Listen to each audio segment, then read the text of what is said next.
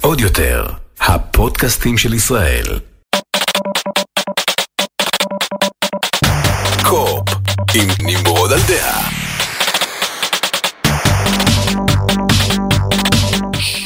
חבר'ה, ברוכים הבאים לפרק מספר 80 של קו-אופ, פודקאסט הגיימינג והטכנולוגיה של טופ גיק ועוד יותר, והיום יש לנו פרק שהוא מאוד מאוד מאוד מוקדש לגיימינג, אני מסתכל כאן על הרשימות שלי וכל מה שיש לי פה זה רשימה אחת.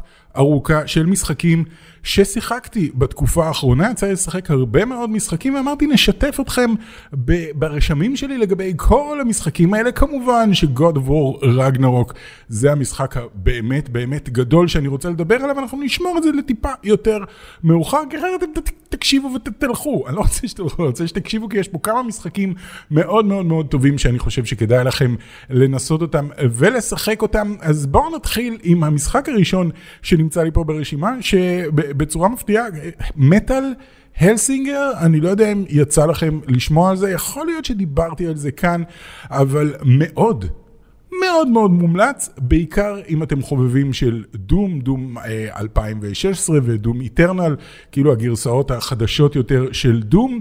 זה כאילו מישהו ישב ואמר, אוקיי, אני נורא אוהב את הגיימפליי של דום, אני נורא אוהב את כל האווירה של דום, אני מאוד מאוד מאוד אוהב את המוזיקה של דום.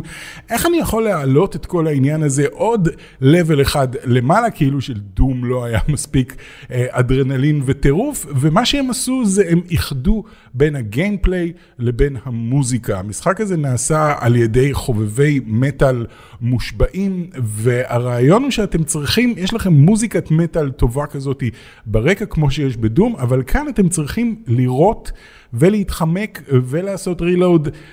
לפי הזמן של המוזיקה, לפי הקצב של המוזיקה, וזה יוצר איזשהו מצב שבו המשחק שואב אתכם בכוח לתוך הזון, אתם מכירים את העניין הזה שאתם נמצאים בזון ופתאום הכל נעלם מסביבכם ואתם מסונכרנים לחלוטין עם המשחק, אז המשחק הזה גורם לכם להכניס את עצמכם לזון בכוח, כי ככה רק אתם יכולים לנצח את המפלצות. אתם יכולים גם להסתובב ולנסות לראות סתם.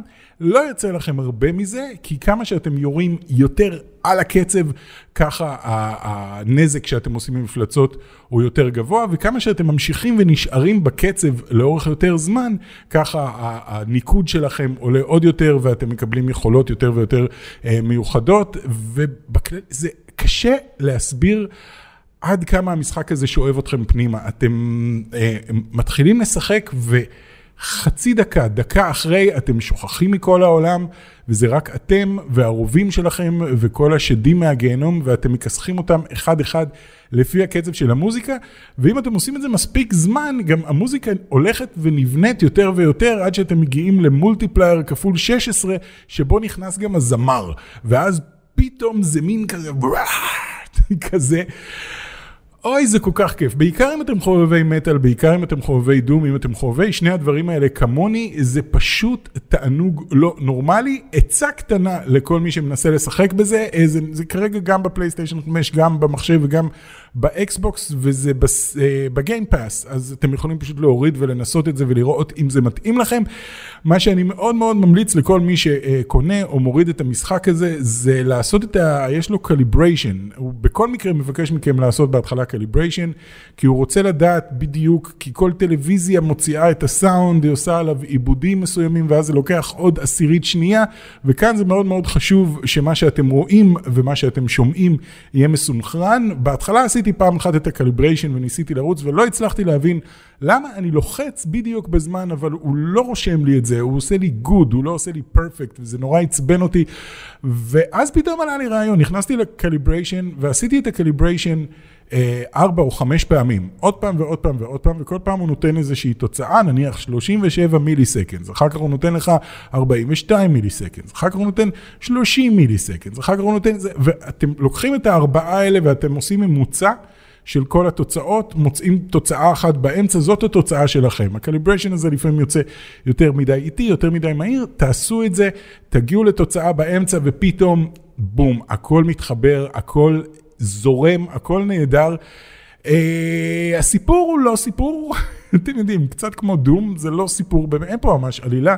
יש את טרוי בייקר בתפקיד של שד מהגיהנום, או שהוא משחק את הגולגולת שהשד מוצא בהתחלה, לא ממש הבנתי, זה לא כל כך ברור. הוא מספר סיפור, זה מאוד טרוי בייקר, הוא נשמע פשוט כמו טרוי בייקר, לא נראה שהוא מתאמץ יותר מדי, נראה שהוא עשה לחבר'ה האלה טובה כי הוא עבד, כי הוא אהב את הקונספט. אה, אז מבחינת עלילה אין לכם מה לחפש פה, אבל זה לא בעניין של העלילה, זה בעניין של לראות ול, ולהקשיב למוזיקה בו זמנית ולהקשיב לקצב ולהיכנס ל zone הזה. Metal. Hellsinger שווה בטירוף. יש, יש לי Game Pass, אז פשוט הורדתי את זה, תורידו את זה ב Game Pass. תענוג לא נורמלי. בואו נעבור הלאה למשחק הבא ברשימה שלי, והוא... Slime Rancher 2. הייתם מאמינים שאני אדבר עוד פעם על Slime Rancher? מי שלא יודע, ב Top Geek 2, Slime Rancher הייתה אחת הסדרות אה, הכי פופולריות שלי, וכל הזמן אנשים, מתי תחזור לשחק Slime Rancher? מתי תחזור? אני לא. כל הזמן אמרתי, אני לא אחזור לשחק Slime Rancher, זה משחק חמוד מאוד, אה, לא לגמרי בשבילי, אני פשוט נכנסתי אליו ב-early access כי אהבתי את הרעיון. והייתי basically היחידי בישראל שמשחק Slime Rancher, אז כאילו כל מי שזה עניין אותו אה, בא אליי.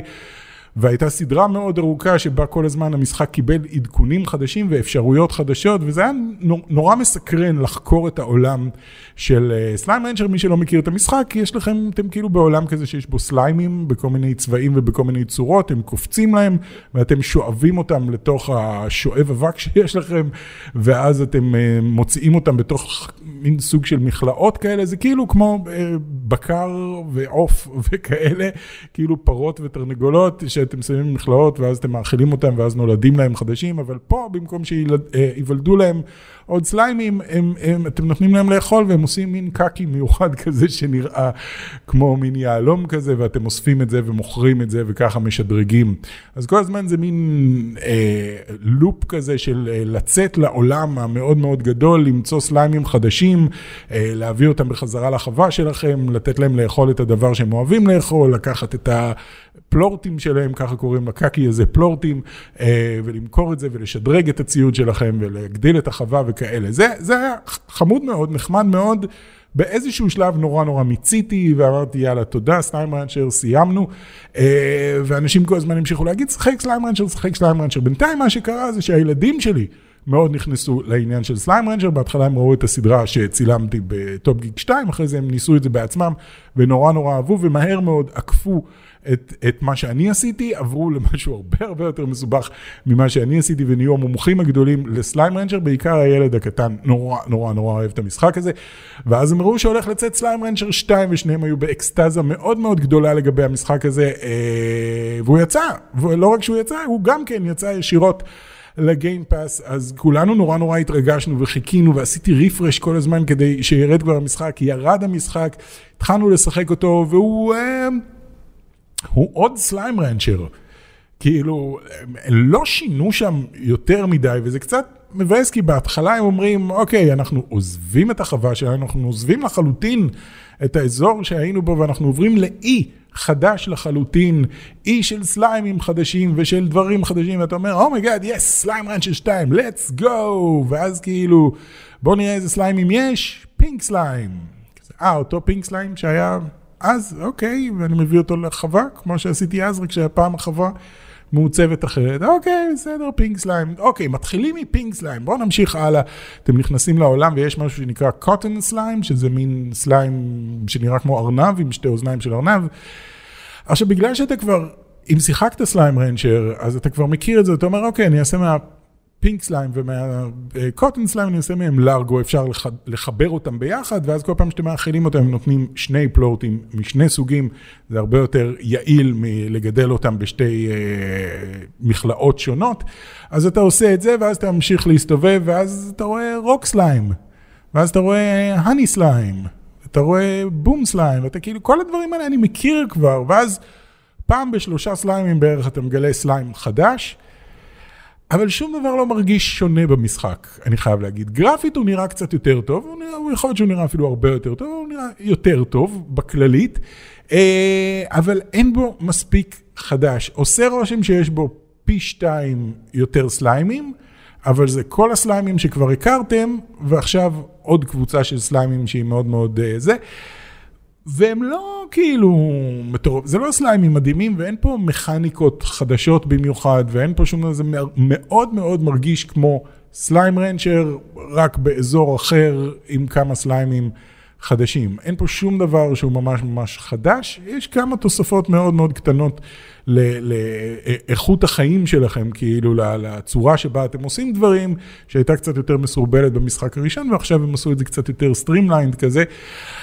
אבל אני חייב להגיד שהייתה מין אה, אכזבה קטנה, וגם הילדים כאילו שיחקו בזה איזה יום-יומיים, ואז, ואז עברו חזרה ל Roblox, כי קשה לצאת מ Roblox ברגע שאתה נכנס, אבל כאילו זה לא תפס אותם, וזה לא תפס אותי, וחבל כי חיכינו מאוד לסליים ראנצ'ר 2, רצינו מאוד שזה יהיה משהו חדש ושונה ומעניין, וכאילו קחו את אותו משחק, אבל תבנו עליו.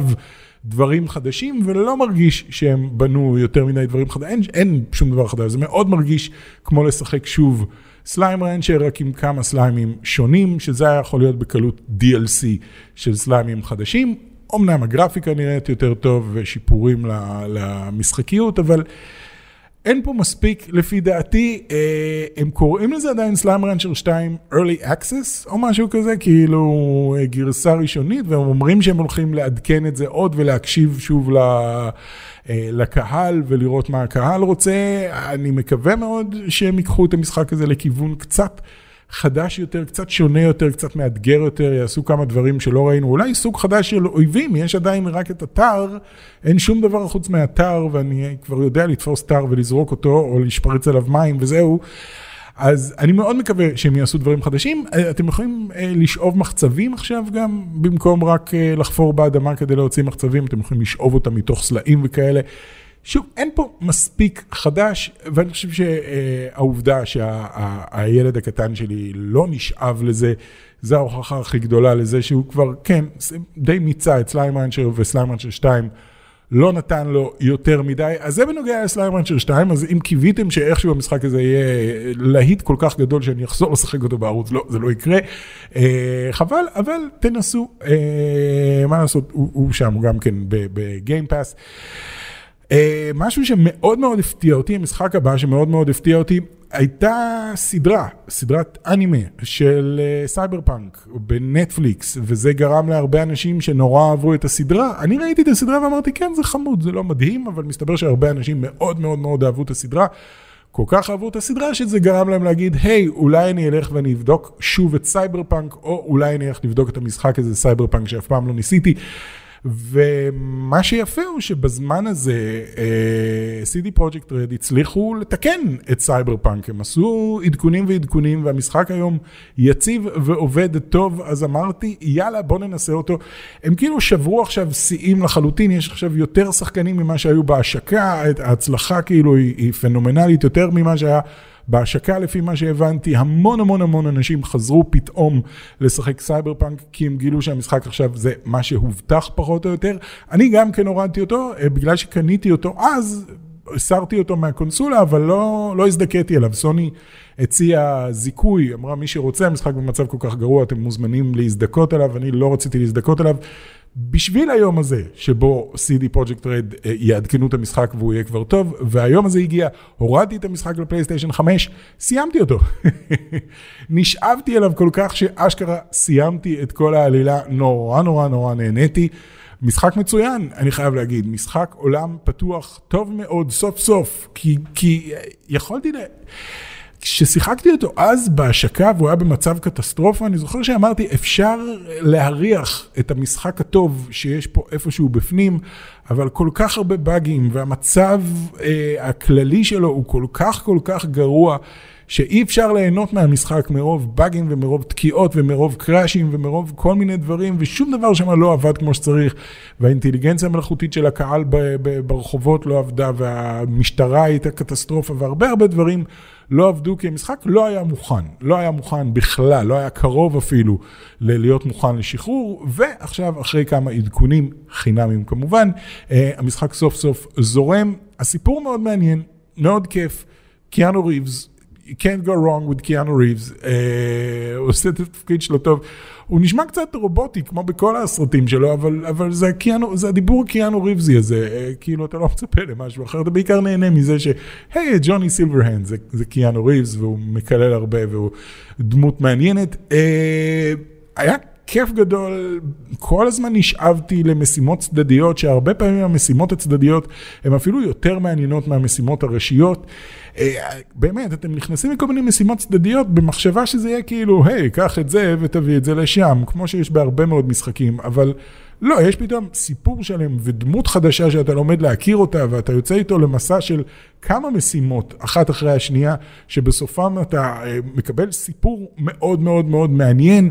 וזה קרה כמה וכמה וכמה פעמים, ותענוג, לא נורא, אני באמת מופתע, הייתי נורא נורא מופתע מכמה שנהניתי מהמשחק הזה וכמה שהיה קשה לי להפסיק אה, לשחק בו, גם הקרבות, הירי כאילו ברובים נהיה הרבה הרבה הרבה יותר טוב, הרבה יותר מדויק, הרבה יותר... לא יודע, פאנצ'י, זאת מילה, הכל מרגיש הרבה יותר פאנצ'י. כאילו הכל הרגיש נורא מרחף בהשקה, הכל כזה, לא יודע איך להגדיר את זה, אבל עכשיו הכל, כל יריעה יש לה, אה, יש לה מקום וכל הנשקים מרגישים שונה מספיק, ואתה כל הזמן במסע כזה ל, למצוא נשקים חדשים יותר טובים ולשדרג את הנשקים שיש לך ולמצוא אה, לבוש יותר טוב, שריון יותר טוב שמשדרג אותך, מה שעוד הם עשו שהוא היה נחמד מאוד, כי מאוד הרגיז אותי בהתחלה שאני מוצא כל מיני פריטי לבוש שהם יותר טובים מפריטים קודמים, נניח כובע יותר טוב מהכובע הקודם שהיה לי, אבל הכובע הזה נראה ממש מטופש והוא לא הולך עם הג'קט שאני לובש, ואני בלי מכנסיים משום מה ומגפיים, וכאילו זה, הכל יוצא מין תלבושת. מחרידה כזאת. אני אמנם, אה, השריון שלי ב-level נורא נורא גבוה עכשיו עם כל הדברים האלה, אבל אני נראה מגוחך. אה, ולמרות שאתה לא רואה את עצמך יותר מדי, אבל עדיין עצבן אותי שאני נראה מגוחך. ואז גיליתי שהם הוסיפו גם אפשרות, קח מתוך כל הדברים שיש לך, את הדברים שאתה אוהב, תעשה מזה תלבושת. זה בעצם כמו סקין כזה, ואז אתה יכול להמשיך להחליף את כל הבגדים. לאיזה בגד שהוא הכי טוב מבחינת השריון, ועדיין מבחוץ תראה אותו דבר, כמו שרצית, הסקין הזה שבנית, זה תמיד יראה אותו דבר, זה היה מאוד מאוד נחמד. אני גם מרגישה הרבה יותר טוב, האינטליגנציה המלאכותית, המשטרה מגיבה הרבה יותר טוב. הכל מגיב הרבה יותר טוב, אז אם עדיין לא יצא לכם לנסות, אם אתם כמוני, אם אה, קניתם את המשחק בהשקה וחטפתם עליו קריזה אה, כמו כולם, ואמרתם מה זה הקטסטרופה הזאתי, ולא הזדכאתם עליו, עכשיו זה הזמן להתקין אותו עוד פעם. אני גם, הייתה לי את הגרסה של הפלייסטיישן 4, כי אז לא היה גרסה של פלייסטיישן 5. אז מה שהיה לי זה את הגרסת פלייסטיישן 4, וכשבאתי להוריד אותה, אז הוא שאל אותי, אתה רוצה את הפלייסטיישן 4 או את הפלייסטיישן 5? אמרתי, כן, את הפלייסטיישן 5. אז גם גרפית, המשחק נראה מצוין, לא נראה כמו, אתם יודעים, עם 40-90 TI, או אין עדיין TI, גם לא 30-90, אבל הוא נראה טוב מאוד והוא רץ חלק לחלוטין, 60 פריימים לשנייה כמו שצריך, והעיר נראית נהדר, מאוד מאוד מאוד מומלץ. סייבר פאנק 2077, מי היה מאמין שאני אמליץ על המשחק הזה, אבל uh, עכשיו, חברים, זה הזמן לחזור לסייבר פאנק, וגם הם הכריזו על איזושהי חבילת uh, הרחבה בהמשך שתגיע, שאני חושב שכן תעלה כסף, אבל של סיפור חדש לגמרי. אז uh, עכשיו זה הזמן לחזור לסייבר פאנק 2077. בואו נראה מה עוד יש לנו. Scorn, Scorn, uh, משחק שאני הרבה הרבה הרבה זמן עוקב אחריו, היה איזשהו טריילר. סופר מטריד שיצא פעם, פעם, פעם לפני כמה שנים טובות. הכל נראה כמו ציור של גייגר, אני אומר גייגר, יש כאלה שאומרים גיגר. זה שעיצב את הנוסע השמיני, אה, אומן שאני מאוד מאוד אוהב, אני קורא לו גייגר, כי ככה קראנו לו בתור בני נוער כשגילינו אותו. אני חושב שזה גיגר, HR גיגר, אבל לא משנה. גייגר, ככה אני אקרא לו, כי זה כמו מונה גייגר. Uh, המשחק נראה לחלוטין כאילו שהוא עיצב את המשחק הזה, הכל נראה כמו מהנושא השמיני, אפילו עוד יותר, זה נראה בעיקר כמו הציורים של uh, אה, HR גייגר. אני משחק אותו, לא סיימתי אותו כי הוא לא קורא לי לחזור אליו, uh, כן התקדמתי בו, הוא כן... טיפה מטריד, תלוי כמה סרטי אימה ראיתם בחיים שלכם, אבל הוא בעיקר לא קורה בו כלום. אתם מסתובבים באזור הזה, בעולם המוזר הזה, שהוא כולו מעוצב מאוד מאוד מאוד יפה, ואין ספק שאת ה-10-20 דקות הראשונות של המשחק רק הסתובבתי והסתכלתי על כל טקסטורה ועל כל עיצוב, והכל מעוצב ממש ממש יפה, אבל אתה כזה מסתובב ופותר מין חידות היגיון כאלה שהן לא מסובכות במיוחד, ואתה כן, סתם, סתם מתקדם. לא קורה שום דבר, הבנתי שבשלב יותר מאוחר מגיעים אויבים, אבל גם הם לא מעניינים במיוחד, זה סוג אחד של אויבים והוא כאילו, אה. אז חבל, חבל מאוד. אז סקורן, שגם כן נמצא עכשיו בגיימפאס, לא יודע אם הייתי ממליץ, אתם מוזמנים להוריד אותו רק כדי לראות את העולם המטורף שהם בנו שם, אבל מבחינת משחק אין שם ממש כלום. לא קורה שם שום דבר, חידות היגיון ברמה של... משחקי אה, קווסטים של שנות התשעים כזה, של להזיז אבנים ממקום למקום עד שזה יוצר איזושהי צורה. כאלה חידות היגיון. חבל, קיוויתי מאוד שזה יהיה משחק ממש טוב, אבל זה לא מה שכן משחק ממש טוב. שימו לב כמה משחקים יש לי. זה עוד משחק שאני משחק עכשיו, והוא כן קורא לי כל הזמן לחזור אליו. בנינטנדו סוויץ', אה, וזה Mario Rabbids, איך קוראים לו? Sparks of Hope, Mario plus Rabbids, Sparks of Hope, שהוא המשך ל Mario plus Rabbids. הראשון שהיה מין uh, פתאום לקח את כל uh, סדרת מריו למשחק אסטרטגיה בתורות כזה. מאוד מאוד מעניין, מבט מלמעלה, אתם שולטים על כמה דמויות, אתם שולחים כל דמות, יש לה פעולה מסוימת שהיא יכולה לעשות, אתם אה, אה, קובעים כל דמות מה היא תעשה, ואז התור האויבים והם נלחמים בכם. את המשחק הראשון לא שיחקתי, את המשחק הזה אני כן משחק ואני מאוד מאוד נהנה, הבנתי שהם גם עשו כמה שיפורים אה, בכללית לגיימפליי ולאיך שהכל זורם מהמשחק הראשון. מאוד מאוד נחמד, יש לכם צוות של מריו ומריו רבידס, יש לכם את מריו ואת הגרסת הרביד, שזה הארנבים האלה של מריו, ואת גרסת ה... ואת לואיג'י וגרסת הארנבים של לואיג'י, ואת פיץ' וגרסת הארנבים של פיץ', שהיא הכי מצחיקה פה במשחק, גרסת הארנבים של פיץ' פשוט נהדרת. אמ, ואתם יוצאים לאיזשהו מסע שאני חייב להגיד שלא לגמרי הבנתי מה אני עושה מבחינת העלילה. יש איזושהי דמות גדולה כזאת בחלל שאני צריך איכשהו לעצור, שאני לא כל כך יודע למה ומה היא רוצה לעשות, אבל אני אמור לעצור אותה. אבל בדרך אתם מגיעים כל פעם לאיזשהו עולם גדול, ואתם מסתובבים בעולם הזה, וקצת כמו בפייפר מריו, שאתם מסתובבים בעולם גדול, וכל פעם שאתם פוגשים אויב, במקום להילחם באויב הזה, האויב הזה בעצם מייצג זירה שלמה. שבה אתם נלחמים נגד כמה אויבים. אז ברגע שאתם אה, פוגשים אויב ומגיעים איתו במגע, אז פתאום כל המסך נעלם, יש loading screen ומופיע אה, מסך חדש שהוא זירת קרבות מאוד גדולה כזאתי. ב Paper Mario זה תמיד היה אותה גרסת אותה זירת קרבות, וזה היה קצת מתסכל, וזה תמיד הרגיש אותו דבר. כאן אה, כל זירה נראית אחרת לגמרי, והאויבים בזירה הם שונים, אה, מעולם לעולם הם שונים, וכל אויב יש לו את היכולות שלו, ואתה צריך, לפני שאתה מתחיל את הקרב, מאוד מאוד מומלץ לעבור מסביב ולהסתכל על האויבים השונים, ומה הכוחות שלהם, ולמה הם חלשים, ומה החוזק שלהם, וככה לתכנן את המהלכים שלכם קדימה. כל דמות שיש לכם, יש לה רדיוס מסוים שבו היא יכולה ללכת, ואז פעולות מסוימות שהיא יכולה לבצע. ומריו נניח יכול לראות בשני אויבים אה, בו זמנית, לכוון על אויב בצד אחד ועל אויב בצד שני, או שתי יריות על אותו אויב, בזמן שפיץ' יכולה אה, אה, לרפא את החברים שלה או את עצמה, בזמן שהיא יורה גם מתוך אה, מחסה, ולואיג'י טוב בהתגנבות. בקיצור, כל אחד מהם יש לו כוח אחר, ואתם בוחרים לעצמכם את הצוות שאתם רוצים, ואתם אה, עושים איתם את הקרבות האלה. הכל מאוד מאוד אתם יכולים להחליף. מה שיפה הוא שכל פעם שאתם משדרגים איזושהי דמות, זה משדרג את כל הדמויות. השדרוגים לדמויות הם לכולן, אתם לא צריכים, כי אחרת זה היה יוצר מצב שבו אתם משחקים רק עם דמות או שתיים, ואתם כל הזמן משדרגים אותם, ואז עכשיו ללכת ולהכניס דמות ב-level אחת זה יהיה מטופש, אז במקום זה הם כולם כל הזמן עולות בדמויות, אה, עולות בדרגות ומקבלות יכולות חדשות, אז זה מאוד מאוד נחמד. אה, המשחק כיפי, מאתגר. הרבה יותר משחק חשיבה מאשר משחק פלטפורמה או משחק אקשן, יש טיפה אה, קטעי פלטפורמה בין לבין הקרבות, אבל הקרבות הן, ה, הן העיקר. אה, וזה כיף, וזה בתוך העולם הזה של מריו, ובתוך העולם של Rabbids, שמשתלב איכשהו מאוד מאוד טוב, הוא מאוד מאוד חמוד, צבעוני, וה Rabbids מביאים את הקטע המשוגע שלהם, ומאוד מאוד מומלץ. אני מאוד מאוד נהנה, אני, המשחק הזה מאוד קורא לי לחזור אליו כל הזמן, רק שיש משחק אחד אחרון כאן ברשימה, שמה לעשות, קורה לי עוד יותר, וזה אחד המשחקים שחיכיתי להם הכי הרבה בחיים שלי.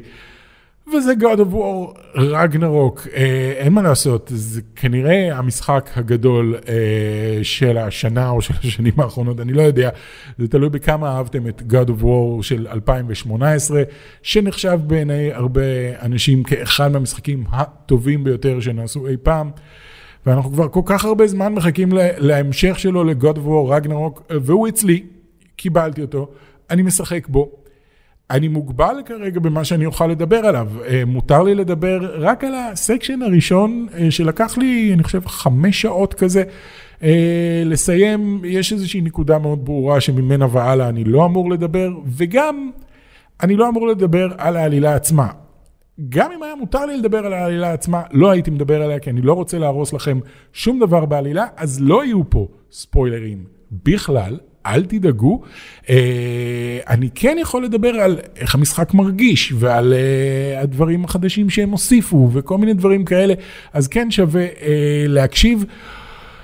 אני, אני יכול להגיד שאני נור, נורא קשה להפסיק לשחק בו, גם בגלל שהוא טוב, אני יכול להגיד שאני נהנה ממנו והוא טוב, אבל בעיקר בגלל, אם אתם זוכרים, גם God of War הקודם היה כולו בטייק אחד.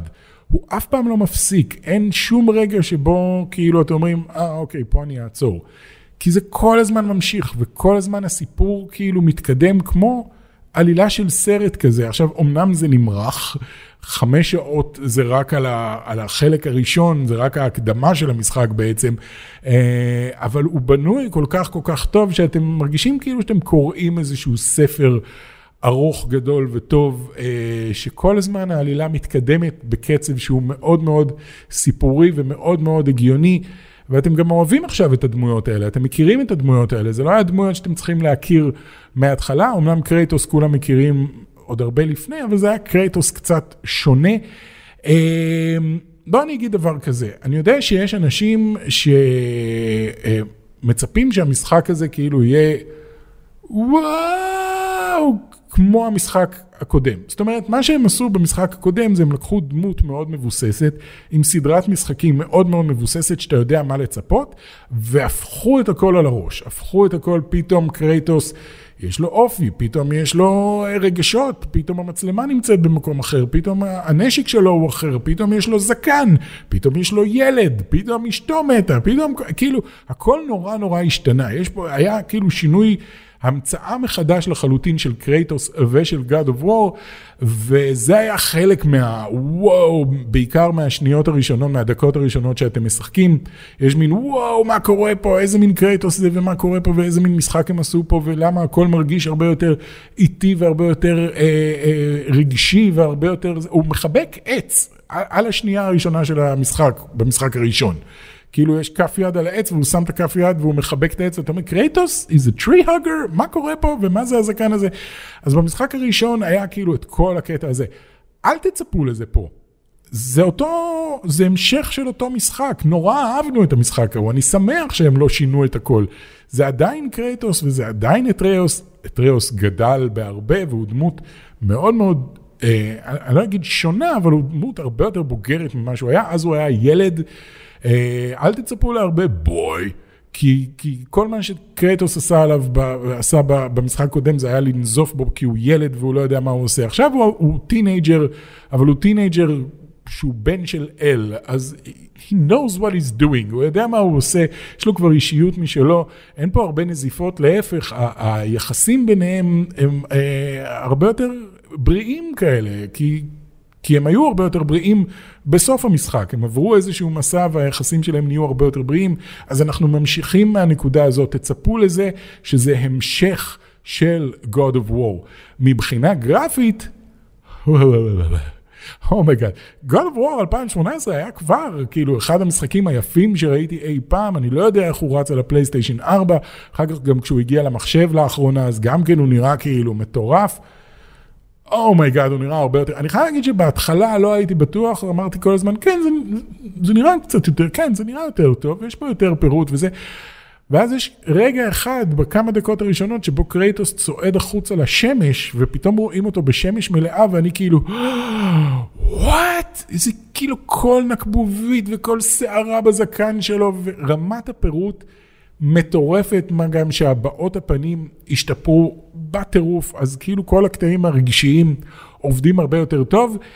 אני כן אגיד, זה לא ספוילר, אבל אני כן אגיד שעשר דקות לתוך המשחק בכיתי. אה, זה לא ספוילר כי זה לא באמת קשור לעלילה, אל תנסו להסיק מזה, אוי לא, קרייטוס מת על תחילת המשחק, לא, זה לא איזשהו משהו כזה, אבל זה פשוט בצורה שהסצנה הייתה בנויה, הבימוי, הצילום, המשחק, המוזיקה, הכל יושב כל כך טוב ביחד, ככה שזה פועל עליך בצורה רגשית, אין ספק שזאת סצנה שאמורה להיות עצובה, אבל בגלל שהכל ברמה כל כך כל כך גבוהה, כמו של סרט קולנוע, זה לחלוטין השפיע עליי ומצאתי את עצמי אה, בוכה כבר בעשר דקות הראשונות, ולפי מה שקראתי באינטרנט, עוד אנשים בכו בסצנה הזאת. שוב, אל תנסו להסיק שום דבר מהבכי הזה לגבי העלילה עצמה, את, אין שום סיכוי שאתם תבינו על מה מדובר, כי, כי זה לא משהו שאתם יכולים בכלל.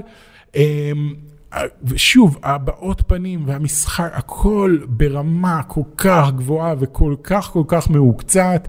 היה מעניין שכששלחו לי את הקוד, אז הם שיתפו, הם הוסיפו למייל של הקוד, אה, כאילו מכתב מחברת הפיתוח, שבדרך כלל הם לא עושים את זה, אבל מכתב מ Santa Monica Studios, שהם דיברו על כמה היה קשה ליצור את המשחק הזה בזמן ה pandemic, בזמן הקורונה, אה, כי היה להם איזשהו חזון מאוד מאוד ברור, והיה להם אולפנים, והיה להם את הזה והכל, וכולנו נעבוד ביחד במשך שנים, והגיעה הקורונה, והם נאלצו, נאלצו לעשות shift מוחלט, אה, שכולם יעבדו מהבית כמה שאפשר, והם אומרים שם, זה לא, אנחנו לא מרגישים שזה פגע באיזושהי צורה.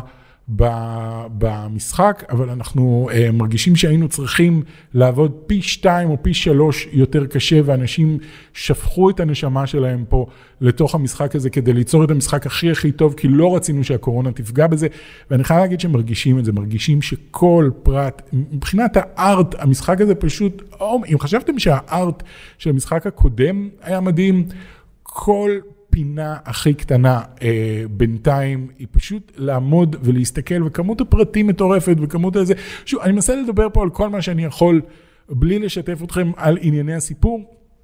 אני אגיד שגם הקומבט אה, שודרג אה, בכמה מקומות מאוד מאוד חכמים. כל, כל השינויים שהם עשו וכל השדרוגים שהם עשו הם, הם נורא חכמים, רואים שהם ישבו והשקיעו בזה מחשבה. אם שיחקתם את God of War אה, 2018, בעיקר אם שיחקתם אותו לאחרונה, מה שאני עשיתי, לא שיחקתי את כולו, אבל נכנסתי אליו קצת לאחרונה, כי, כי היה לו שדרוג לגרסת ה-60 FPS וזה, ואמרתי גם לקראת אה, God of War Ragnarok, אתם ישר ישר תיכנסו לזה, כי השיטות הלחימה הם, הם כאילו כל ה combat system הוא basically אותו דבר, רק שהם הוסיפו כל מיני דברים קטנים, כמו נניח אה, לחיצה ארוכה על המשולש לפני שאתם מתחילים את הקרב, אם יש לכם את הגרזן, אז הגרזן מתמלא כאילו בקרח, ואז המכה הראשונה שאתם נותנים עושה הרבה יותר נזק אה, ומעבירה כאילו קור לאויב שלכם, שגורם לשאר המכות להיות יותר חזקות, ואם יש לכם את ה-Blades of Chaos, אז לחיצה מהירה על המשולש מטעינה אותו באש, ואז הוא נשרף וכזה, וכאילו זה נותן לכם רגע לפני שהקרב מתחיל, במקום לרוץ ישר לתוך הקרב, לתוך האויבים, אז אתם יכולים, כאילו יש לכם שנייה כזאת של, אוקיי, בוא אני אטעין את הנשק שלי, וזה גורם לכם להתחיל לחשוב, אוקיי, יש לי גם את היכולות האלה, יש לי גם את היכולות, אני אשתמש בזה. הם נורא רוצים שתשתמשו בכל היכולות. אני זוכר שבגארד וור 2018, היו הרבה יכולות שכמעט לא השתמשתי אליהן אה, בכלל, כמעט לא השתמשתי בהן בכלל לאורך אה, המשחק. וחבל, כי, כי אתה מתרגל לאיזושהי שיטה מסוימת שאתה אה, נלחם ואתה ממשיך עם זה עד סוף המשחק, ופה הם מאוד מאוד רוצים ש, שתלמד את המערכת קרבות, והם עושים את זה מאוד מאוד חכם. גם את ריוס, שוב, אה, בגלל שהוא גדל, הוא הרבה הרבה יותר יעיל בקרב. בגוד וור הקודם, מדי פעם הוא היה קופץ למישהו על הגב, ואז קופץ וזורק עליו איזשהו חץ, או שהייתם אומרים לו תירה, תירה, תירה. עכשיו הוא אשכרה דמות שהולכת יחד איתכם אה, ונלחמת ביחד איתכם, ואתם יכולים להסתכל עליו, והוא הורג אויבים, הוא לא משאיר לכם את כל האויבים, הוא הורג אויבים, אתם הורגים אה, אויבים, זה מרגיש כמו צוות משומן כזה, שזה מצוין, כי זה מה שהיה בסוף המשחק הקודם, וגם יש לכם את מימיר, ישר מההתחלה עכשיו, הוא גם כן דמות במשחק, והוא קורא לקרייטוס brother, uh, והוא קורא לאטריוס baby brother, או ליטל בראדר, משהו כזה, והם כאילו הפכו להיות משפחה. Uh, והסיפור ממשיך איפה שאתם חושבים שהוא ממשיך, אם סיימתם את המשחק הקודם. אני לא יודע אם זה נחשב ספוילר, אז אני, אני לא אגיד, אבל יש את הכאילו האפטר קרדיטס ב-God of War, אחרי שאתם חוזרים הביתה מהמסע, יש איזושהי סצנה שבונה את, ה, uh, את המשחק הבא, וכן, זה, זה המשחק, זה מה שקורה במשחק, מאוד מאוד מעניין. שוב, אני לא רוצה, זה, אם ראיתם טריילרים אתם יודעים על מה מדובר, אבל אני לא רוצה אה, לספר פה על הסיפור שום דבר. אני כן אגיד לכם שלחלוטין מרגיש פה בעוד אה, מאותו God of War, אבל משודרג, שזה לחלוטין הדבר הכי חכם שאני חושב שהם יכלו לעשות. בדרך כלל כשעושים משחק או סרט המשך למשהו נורא נורא מצליח, אז אתה תקוע, כי אם אתה עושה עוד מאותו דבר, כולם אומרים, אה, זה רק אותו דבר. אם אתה עושה משהו שהוא הופך את זה על הראש, אז כולם אומרים, אבל איפה מה שאני אהבתי? אני אהבתי את הזה, למה שיניתם לי את זה? אז פה הם נותנים לך עוד מאותו דבר, וזה לא רק עוד מאותו דבר, זה המשך ישיר של אותו סיפור, אתם כאילו נכנסים ישר לתוך זה. אני מאוד מקנא באנשים שיוכלו עכשיו לשחק את God of War הראשון ולעבור ישר ל-God of War רגנרוק. Uh, כמו עם uh, The Last of Us Part 1 ו-Part 2, אנשים שיוכלו לחוות את כל החוויה הזאת מההתחלה עד הסוף. גם כאן אתם מסיימים משחק אחד ואתם נכנסים ישר למשחק הבא. Uh, אז זו דרך נהדרת לעשות את זה, הם עשו פה משהו מאוד חכם, זה המשך, אבל זה הכל מרגיש משודרג, הכל מרגיש טוב יותר, הכל מרגיש מעניין יותר. אה, וזהו, אני לא יכול לדבר על, על, על ההמשך. יש לי המון מה להגיד על ההמשך, אני לא יכול להגיד שום דבר על ההמשך, אני רק יכול לדבר על הכמה שעות האלה של הפתיחה. אה, שהן בעיניי נהדרות ו- ומאוד מאוד גורמות לכם לרצות להמשיך לשחק עוד. אני אעצור כאן את הדיבור שלי עד God of War רגנרוק, כי אני מרגיש שכל מה שאני אגיד אה, אה, סתם יהרוס לכם. אני רוצה שתחוו את זה בעצמכם, אם היו לכם אה, אה, חששות לגבי אוי ויי, אולי אולי הם דפקו את המשחק, אולי עכשיו המשחק הוא גרוע, אה, הוא לא יכול לעמוד בציפיות של זה. תתאמו את הציפיות שלכם, כמו שאמרתי בהתחלה, אין פה כאילו לא הפכו את זה על הראש, הם לא שינו את המשחק, הם לא הפכו אותו למשחק חדש לחלוטין ושונה לחלוטין, וקרייטוס פתאום יש לו מועיקן או קוקיות. זה לא זה, זה אותם דמויות, אותו עולם, רק הרבה יותר מפורט, הרבה יותר טוב, הרבה יותר מעניין, הסיפור ממשיך, ההשלכות של הסיפור הקודם מגיעות עכשיו, והיו חתיכת השלכות לסיפור הקודם, ועכשיו הם מתמודדים עם ההשלכות, זה קצת כמו The Last of Us, גם ב-The Last of Us היו השלכות מטורפות בסיפור הראשון, והסרט, והמשחק השני מדבר על ההשלכות עצמן, אה, אז גם פה זה מדבר על זה. אה, חברים, נהדר, כיף, אני לא יכול לחכות כבר לדבר על המשחק הזה אה, בשלמותו ולספר לכם על איך כל המשחק, עוד לא סיימתי אותו, אבל אני אסיים אותו עד שהוא יצא, אה, ואז אני אספר לכם אה, בפירוט. על המשחק. זהו, היה לנו פרק מלא מלא מלא במשחקים. אה, מקווה מאוד שנהניתם מהפרק הזה. מאוד ממליץ לכם על Metal: Hellsinger, פחות ממליץ על Slime Rancher 2. מאוד מאוד ממליץ על סייבר פאנק, אה, פחות ממליץ על Scorn, מאוד ממליץ על Mario Rabbids, אה, Mario Rabbids Sparks of Hope וסופר ממליץ, למרות שאתם עדיין לא יכולים לשחק בו, על God of War Ragnarök, אתם לפחות יכולים להירגע. God War רגנרוק טוב, אתם יכולים להירגע לפחות מהכמה שעות הראשונות, הוא מרגיש טוב. אה, זהו חברים, מקווה מאוד שנהניתם, אנחנו נתראה בפרק הבא. ביי! עוד יותר, הפודקאסטים של ישראל.